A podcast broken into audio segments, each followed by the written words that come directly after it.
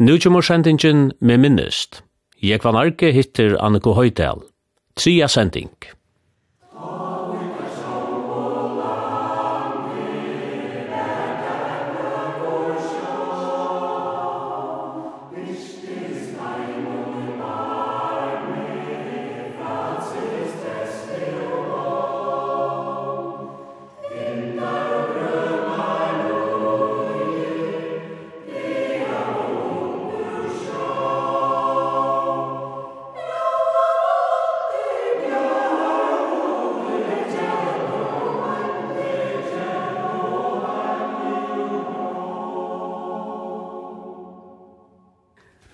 Annika, jeg halde vidt uh, analytisk la venda atter til herskar lige.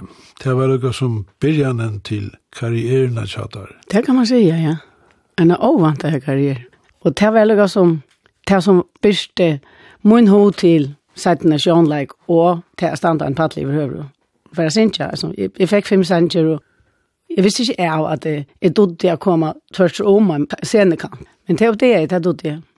Så hittest vi tveldsene som ble vil harska leie, og i sin her sammanhengen. Og jeg minns ikke akkurat årstøllene nær hver kom på, men til sånn som lukka meg. Det enda vi er vera, jeg var Telling, og jeg var Dahl, og Karl Morsen og jeg, som blev balkeren harska leie.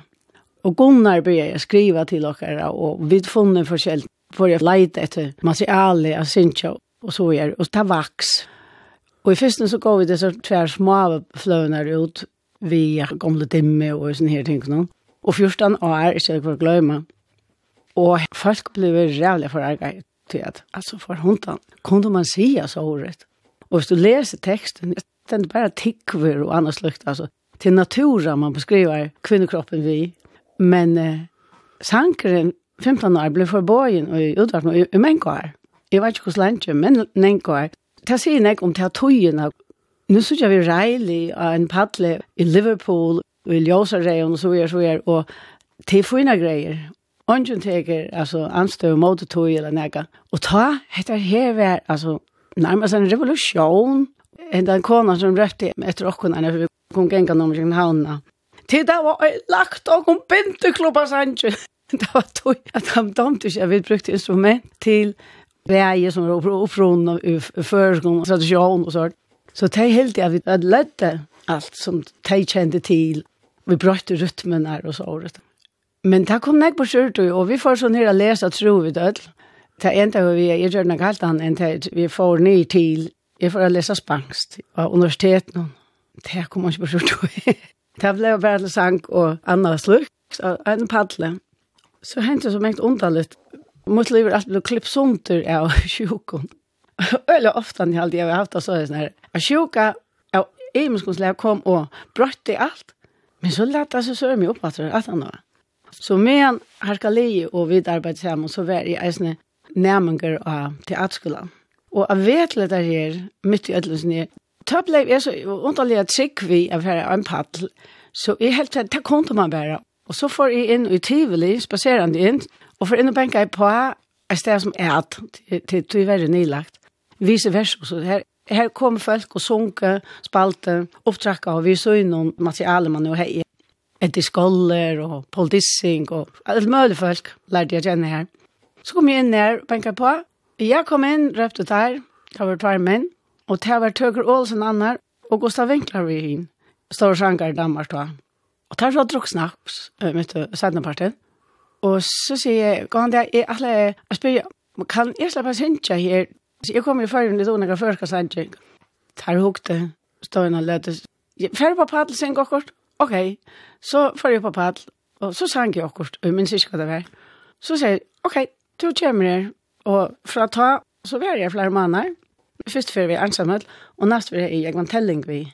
Så var vi där inne och vice versa.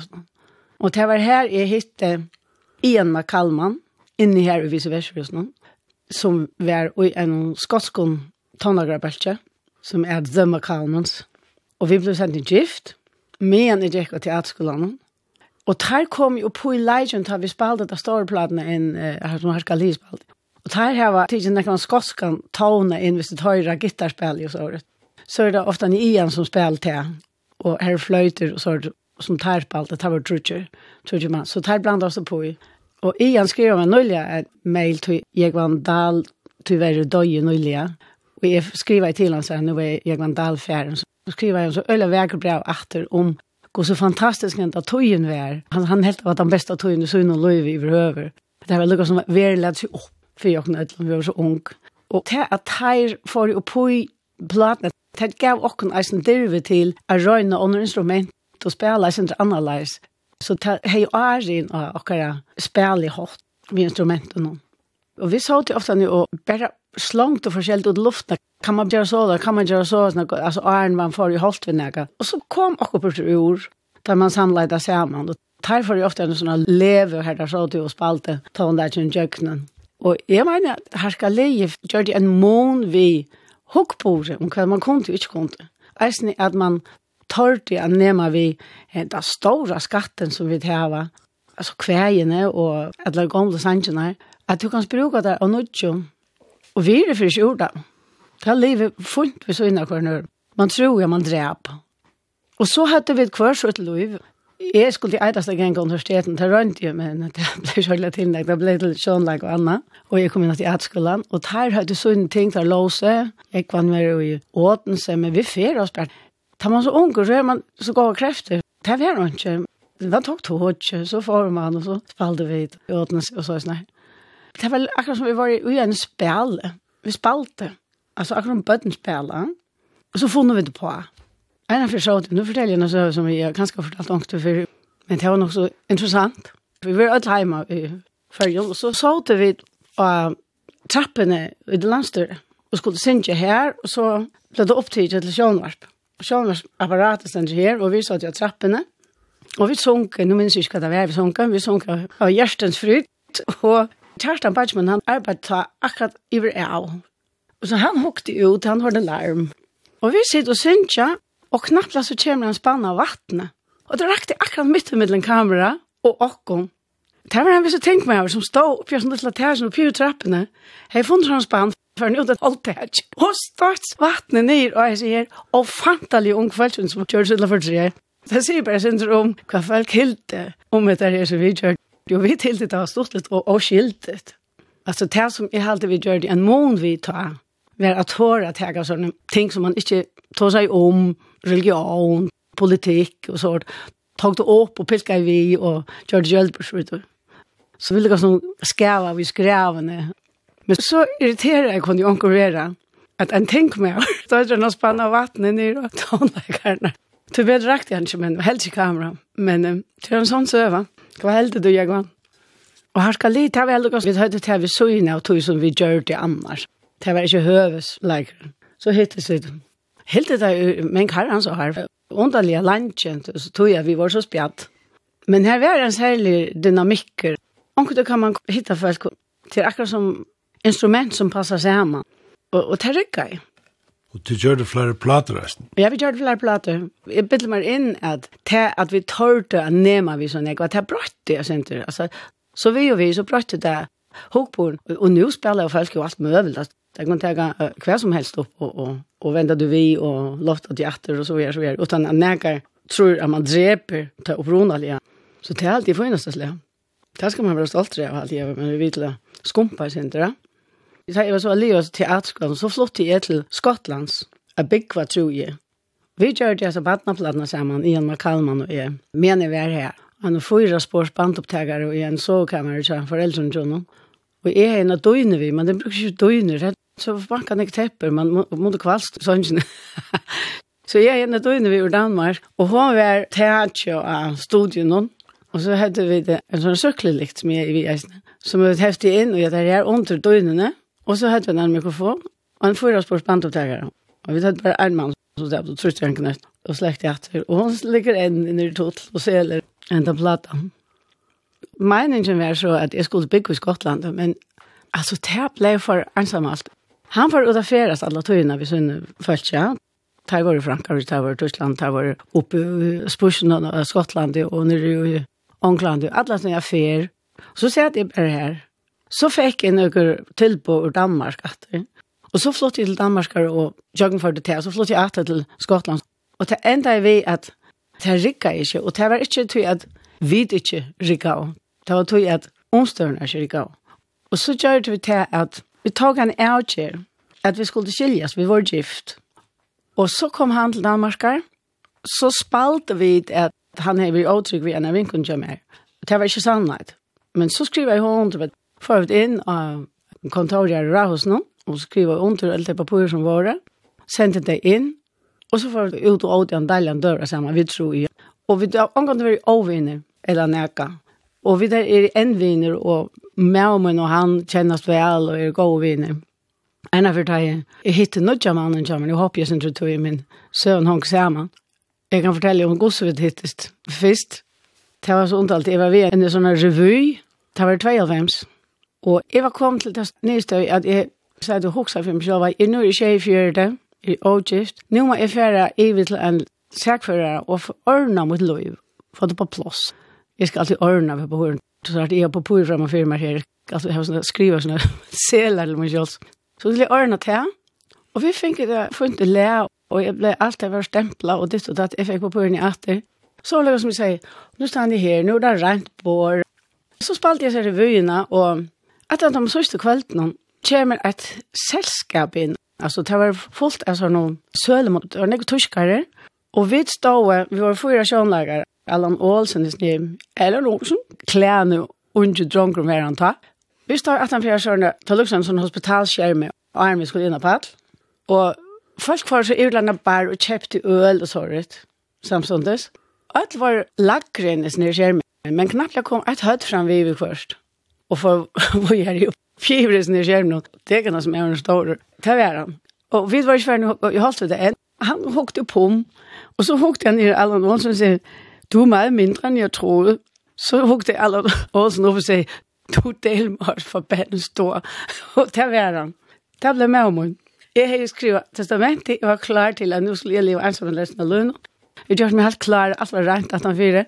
Vi har skrivet altså, på puren og advokaten her, og så er det svært så ble det manipuleret til en jente var vi som heter Tina, hun som var paddel sammen med meg. Og hun ble forelsket på en tænare, og hun helt også synte meg, hvor skulle jeg ikke reisen være forelsket? Og så sa hun vi via bor, vi hadde en paus, og vi spalte så sånne gradere, så skulle vi inn i byen, hjem til kjøls, og så kom vi etter, så spalte vi etter en gradere. Og så sa vi en sånn lengre disk, og jeg satt helt inn mot veggen hun. Jeg hørte ikke utenfor, nå var det for å spille tone-like og sånt. Og sånn, lenge med han kom gengan i heilen, han, han hei sånn helt selskap av tyskerne, han skulle djeva av gudutjevør og så, han tjekk at fram. Og jeg sa at hon neppa igjen sånn i ermena og sier hun, terska jo i øyren. Og han hukte jeg mer, og så ryste jeg bare vi høyt noen. Og for oss, jeg hukte hva finner hun på? Hun var sånn du vidt, vet du. Hetta Jackson jeg ferie, og jeg skulle fylgjast vi en som jeg kjører min rina, inn i bilen og til hånden, altså pakka vi inn. Nå kommer jeg som er en atter, Og så knappt jeg kommer ned og sier, kan du bjøde opp og dansa? Å, ja takk, sier jeg. Så får vi til å danse. Og så sier jeg, til en av staffer iver, så til at jeg skal fyltes ved Pierre Mirena. Ok, for ikke han fylle meg iver. Så sier den her Tina som er man på lærer, så sier hun, Pierre er kørt. Hæ? Pierre er en for en ond av meg? Ja, sier hun, og skilt, hun er sendt andre sted. Og så har vi vidt beskjemme oss igjen. Og nå er det tredje år, ikke? Jeg kom fra det her at Ian ofte kom til Danmark Så bor jeg ikke mer. Og Klaus og jeg hadde akkurat hitt en annan, og han var inne ikke mer, så sier jeg, to, um, forresten, fyrir han til meg om hun kommer i kveld, og han skal sove her. Jeg visste det alltid jeg var okkur, sier han. Jeg hoksa det alltid, det er for aldri enn genga. Vil du ikke hitta han? Nei, det er han sør mykje, altså. Så sier jeg, hør, du bør ikke hitta han beinleis, men kom vi inn til konsertene, lort etter han trekta på han vi, men han kom vi. Så får vi det inn og i det som er noen matre, og der får vi opp av padel og spalte. Så glemte han alt om at han var med og mynte, han hette så for man kan godt. Så tatt her kom om, og så får han beina ved iver seg, å, det kan hette var godt. Og så, et vei tror jeg, så var det her viner. Så nu er vi viner, at kona hans her, og så var jeg jo igjen med kammeren, han fikk seg en danska kona. Så ble han enten bonden, ne?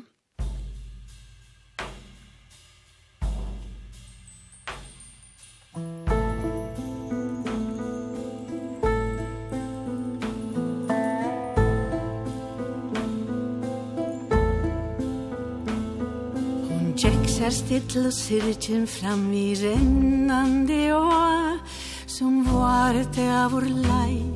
Til varta ein så djekkon Sær sjolvare ui tåa Kom, kom, kom Nu er du ei alaina Men ter sjolvare ui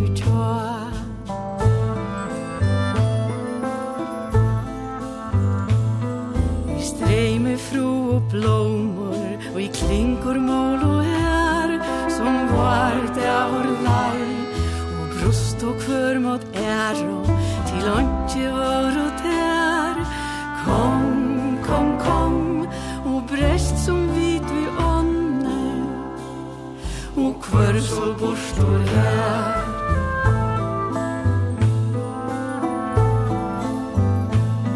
Hon sette seg av backan Jag har med tungo i sin Som var det av vår laj Og i rall og i se och möje När sanser vauter inn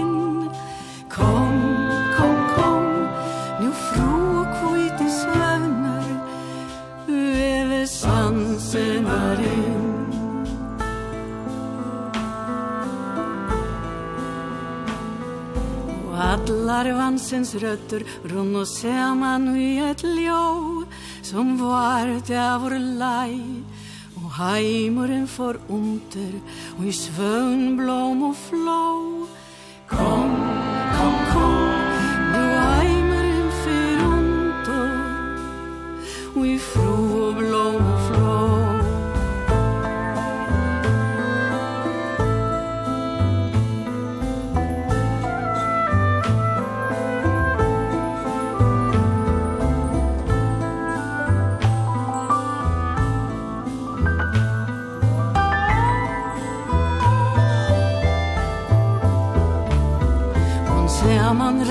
sol Som kom og kom og kom Som var det av vår lei En til som kuen kjel Hennar svar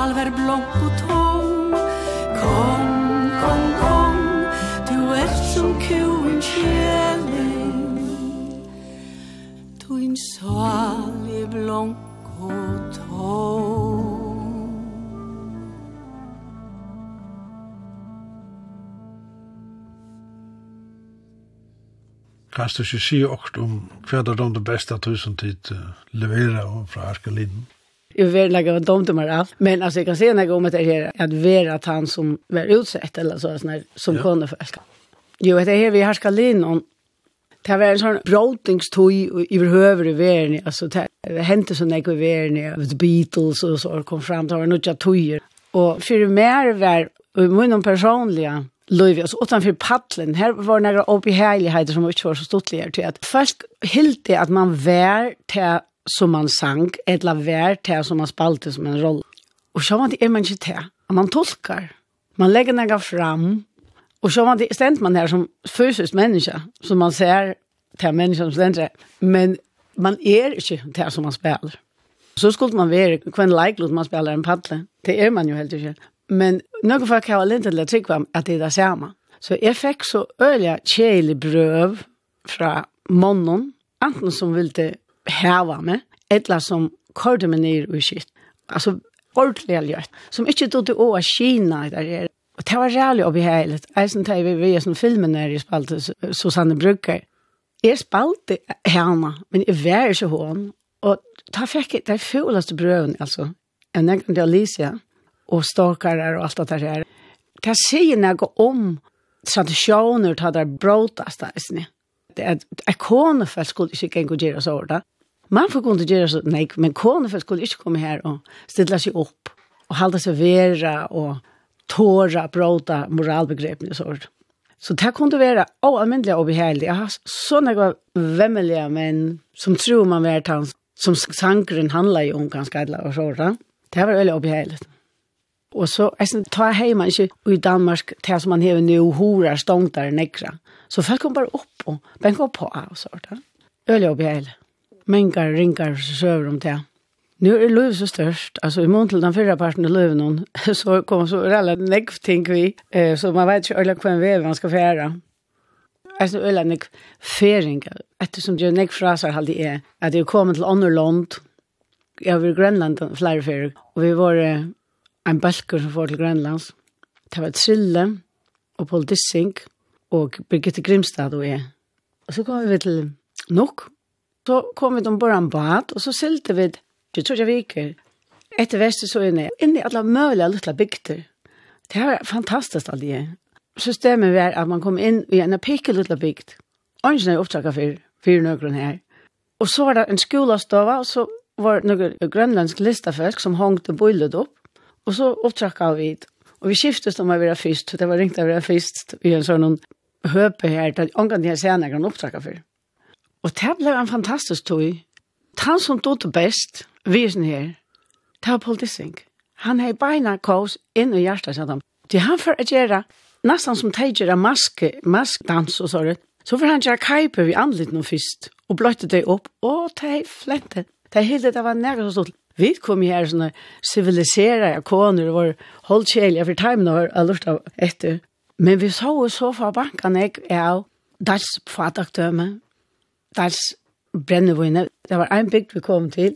Og her var så øyla bratt opp, og så var det lukket som en stakett fremanfyr bygdene, høyt nye. Og det hadde funnet løn akkurat den dagen. Og ta stå folk og boi, altså koner og menn, og dumme der her, om man i fjörerna.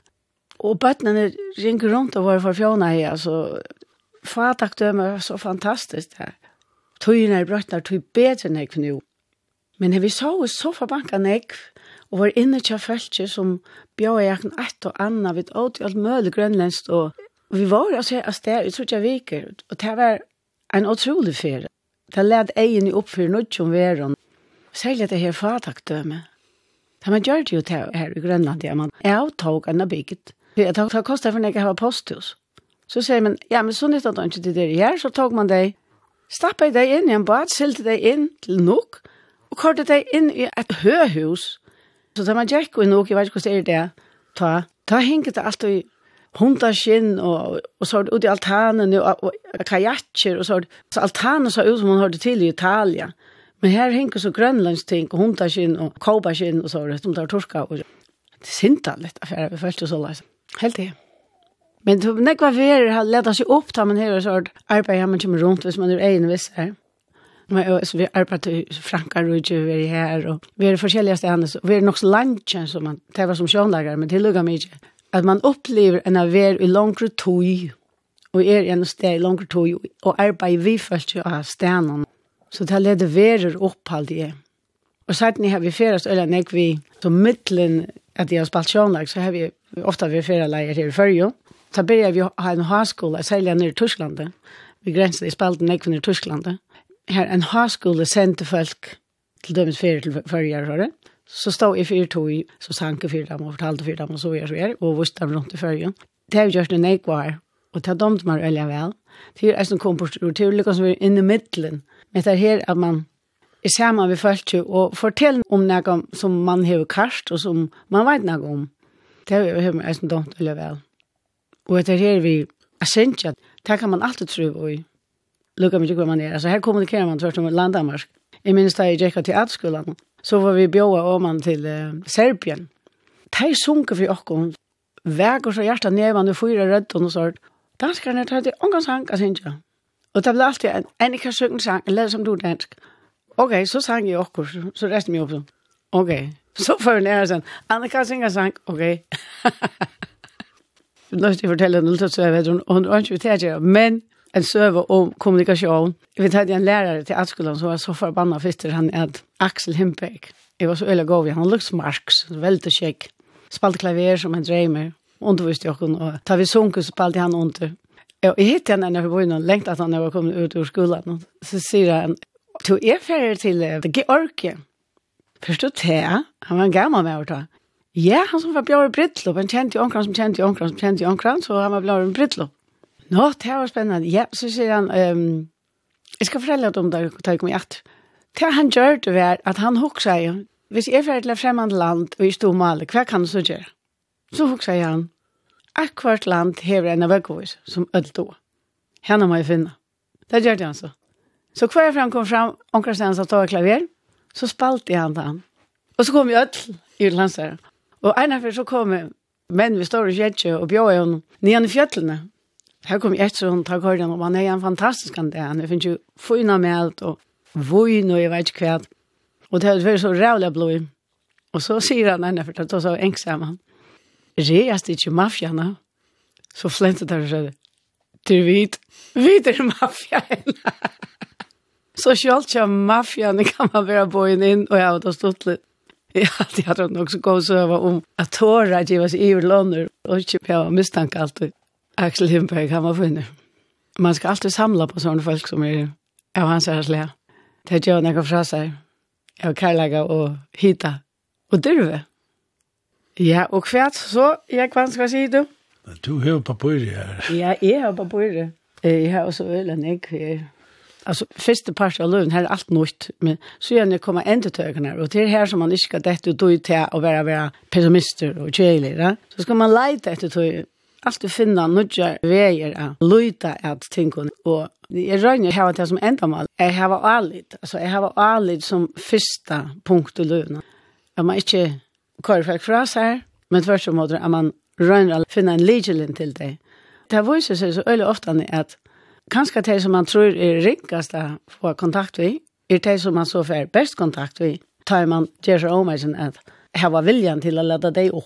hvis säger det sin last og i värme då så det.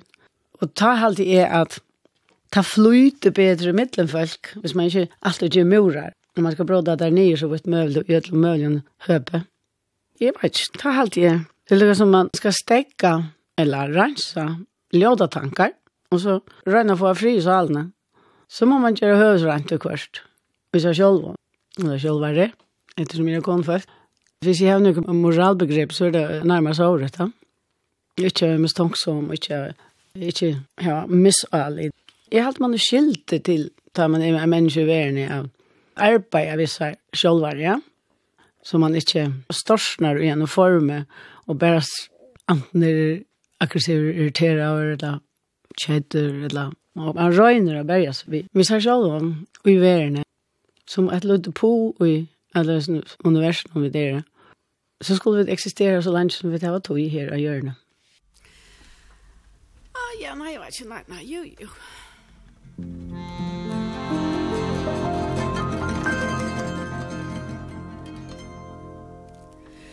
Å Herre god, vår ölt och allting trist.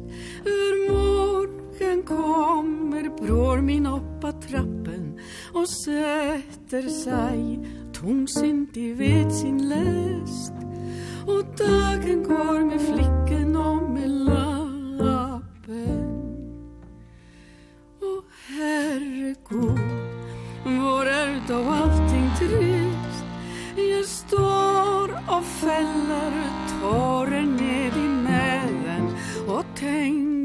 på at nå er regnen vist Ikke en begynt at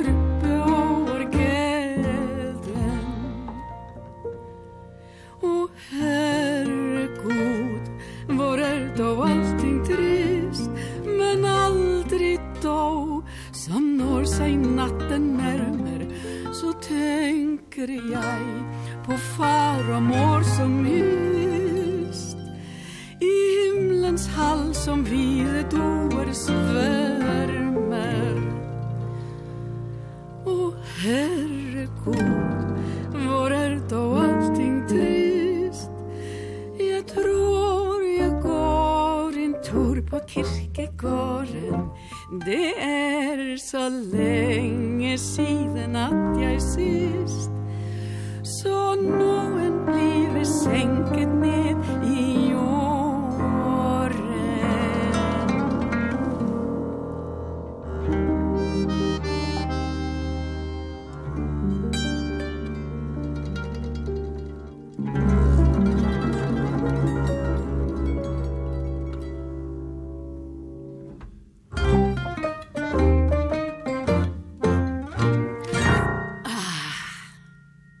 hitta her a vera ferande folk. Jeg har vært i einom bølse til døme, så først du at turné, så er du kanskje 30 folk, musikere og teknikere og andre padle. Og så er du sammen, og vi tror jeg man tatt sammen, til jeg skal rigga. Det skal rigga padlet, det skal rigga i sin utenfor padlet. Så var du tvungen til å lære deg at vi er til steder i sånn. Jeg vil vi jo som en gang leikon. Onkel tog i gang til oss reelle vel, og onkel tog kan det være akkur som gjør at kemien ikke går opp. Og så kan det bli avfriere, og så er det ringte jeg vi gjør Og det er det sånn, alle er stedet, så det kan det være en arbeidsplass, det kan det være alle mulige stedet.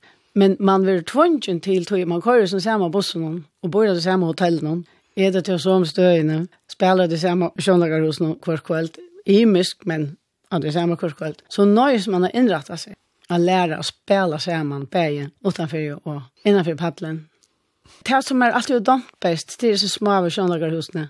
Her man sjøl være på prosessen.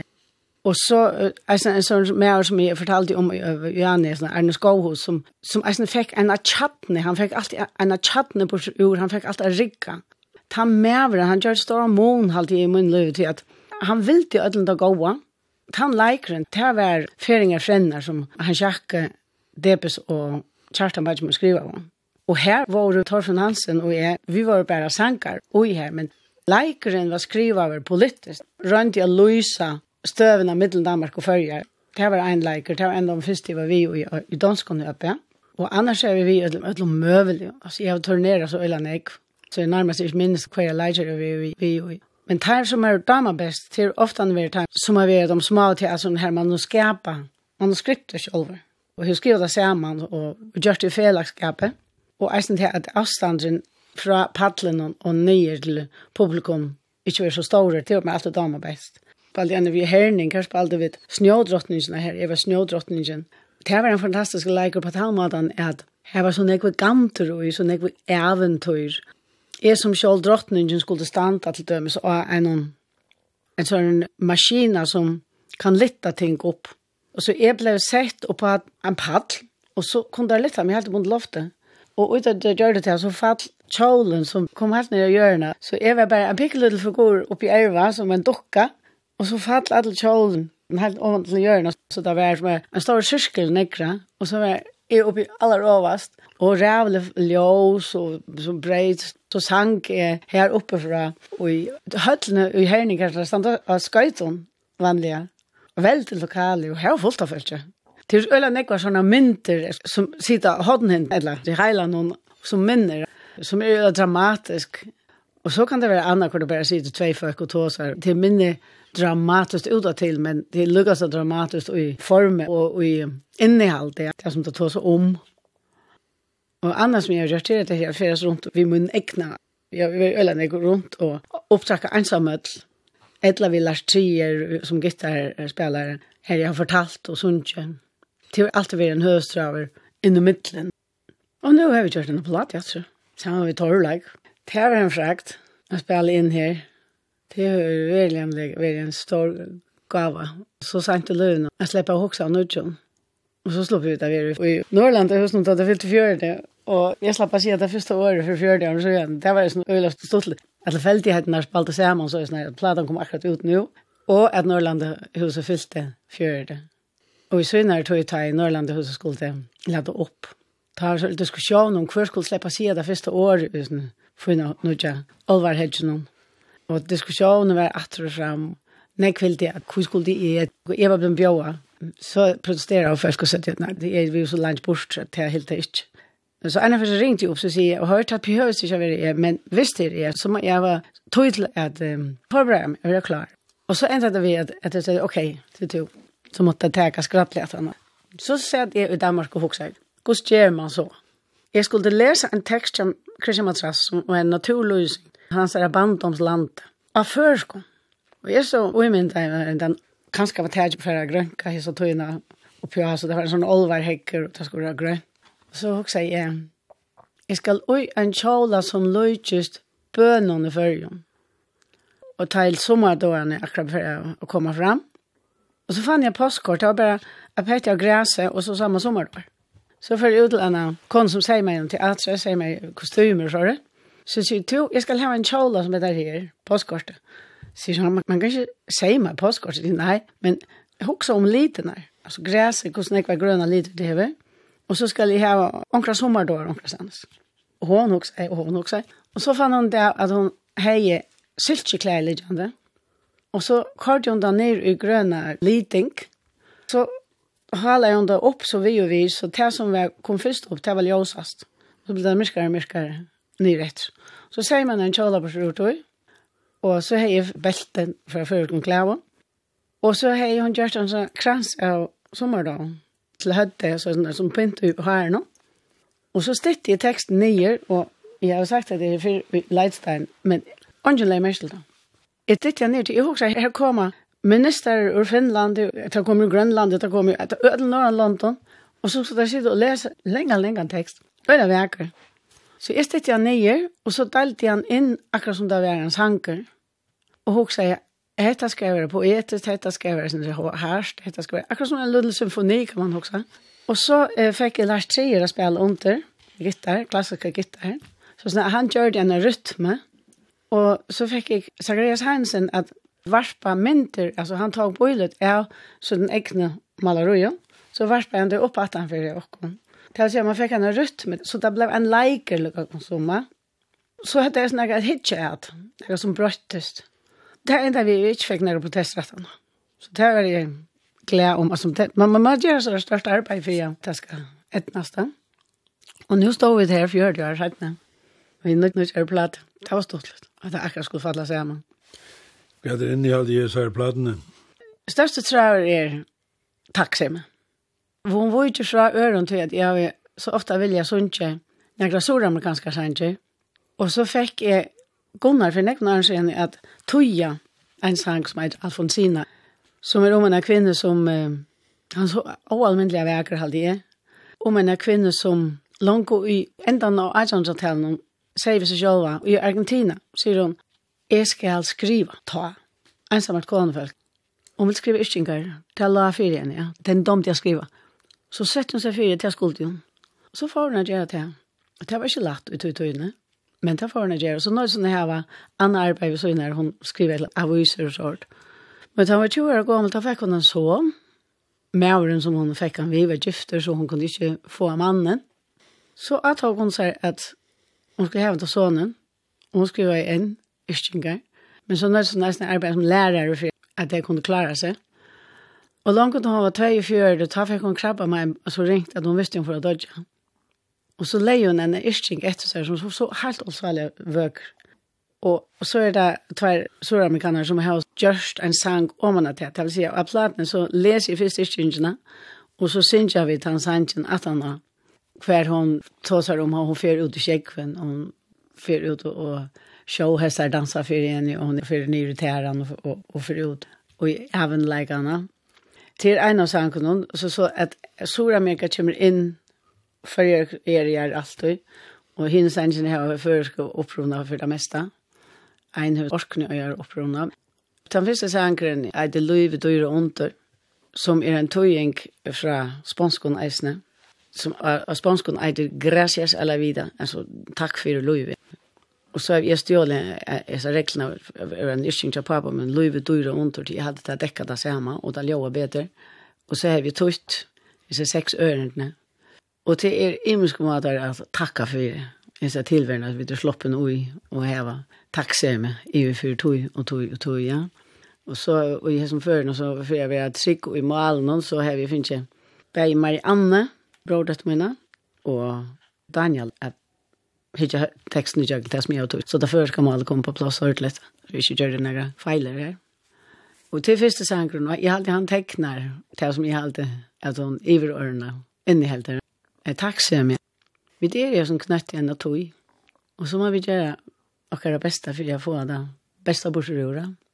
Og vånande smitta under vi godhet. Att man är god vid kvart annan, man inte ska bärgas eller köra ånden ner i lörst. Hur ska man ta? Röjna efter den här vägra vi Tack för det.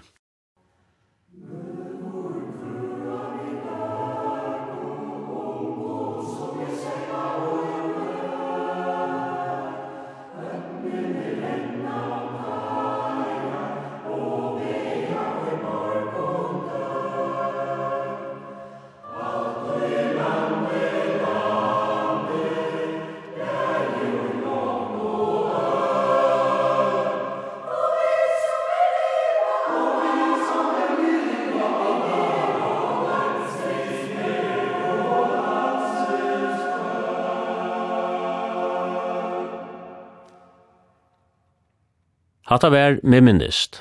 Jeg var narki hitte Anneko Høydal. Hetta var tria og seinasta sending.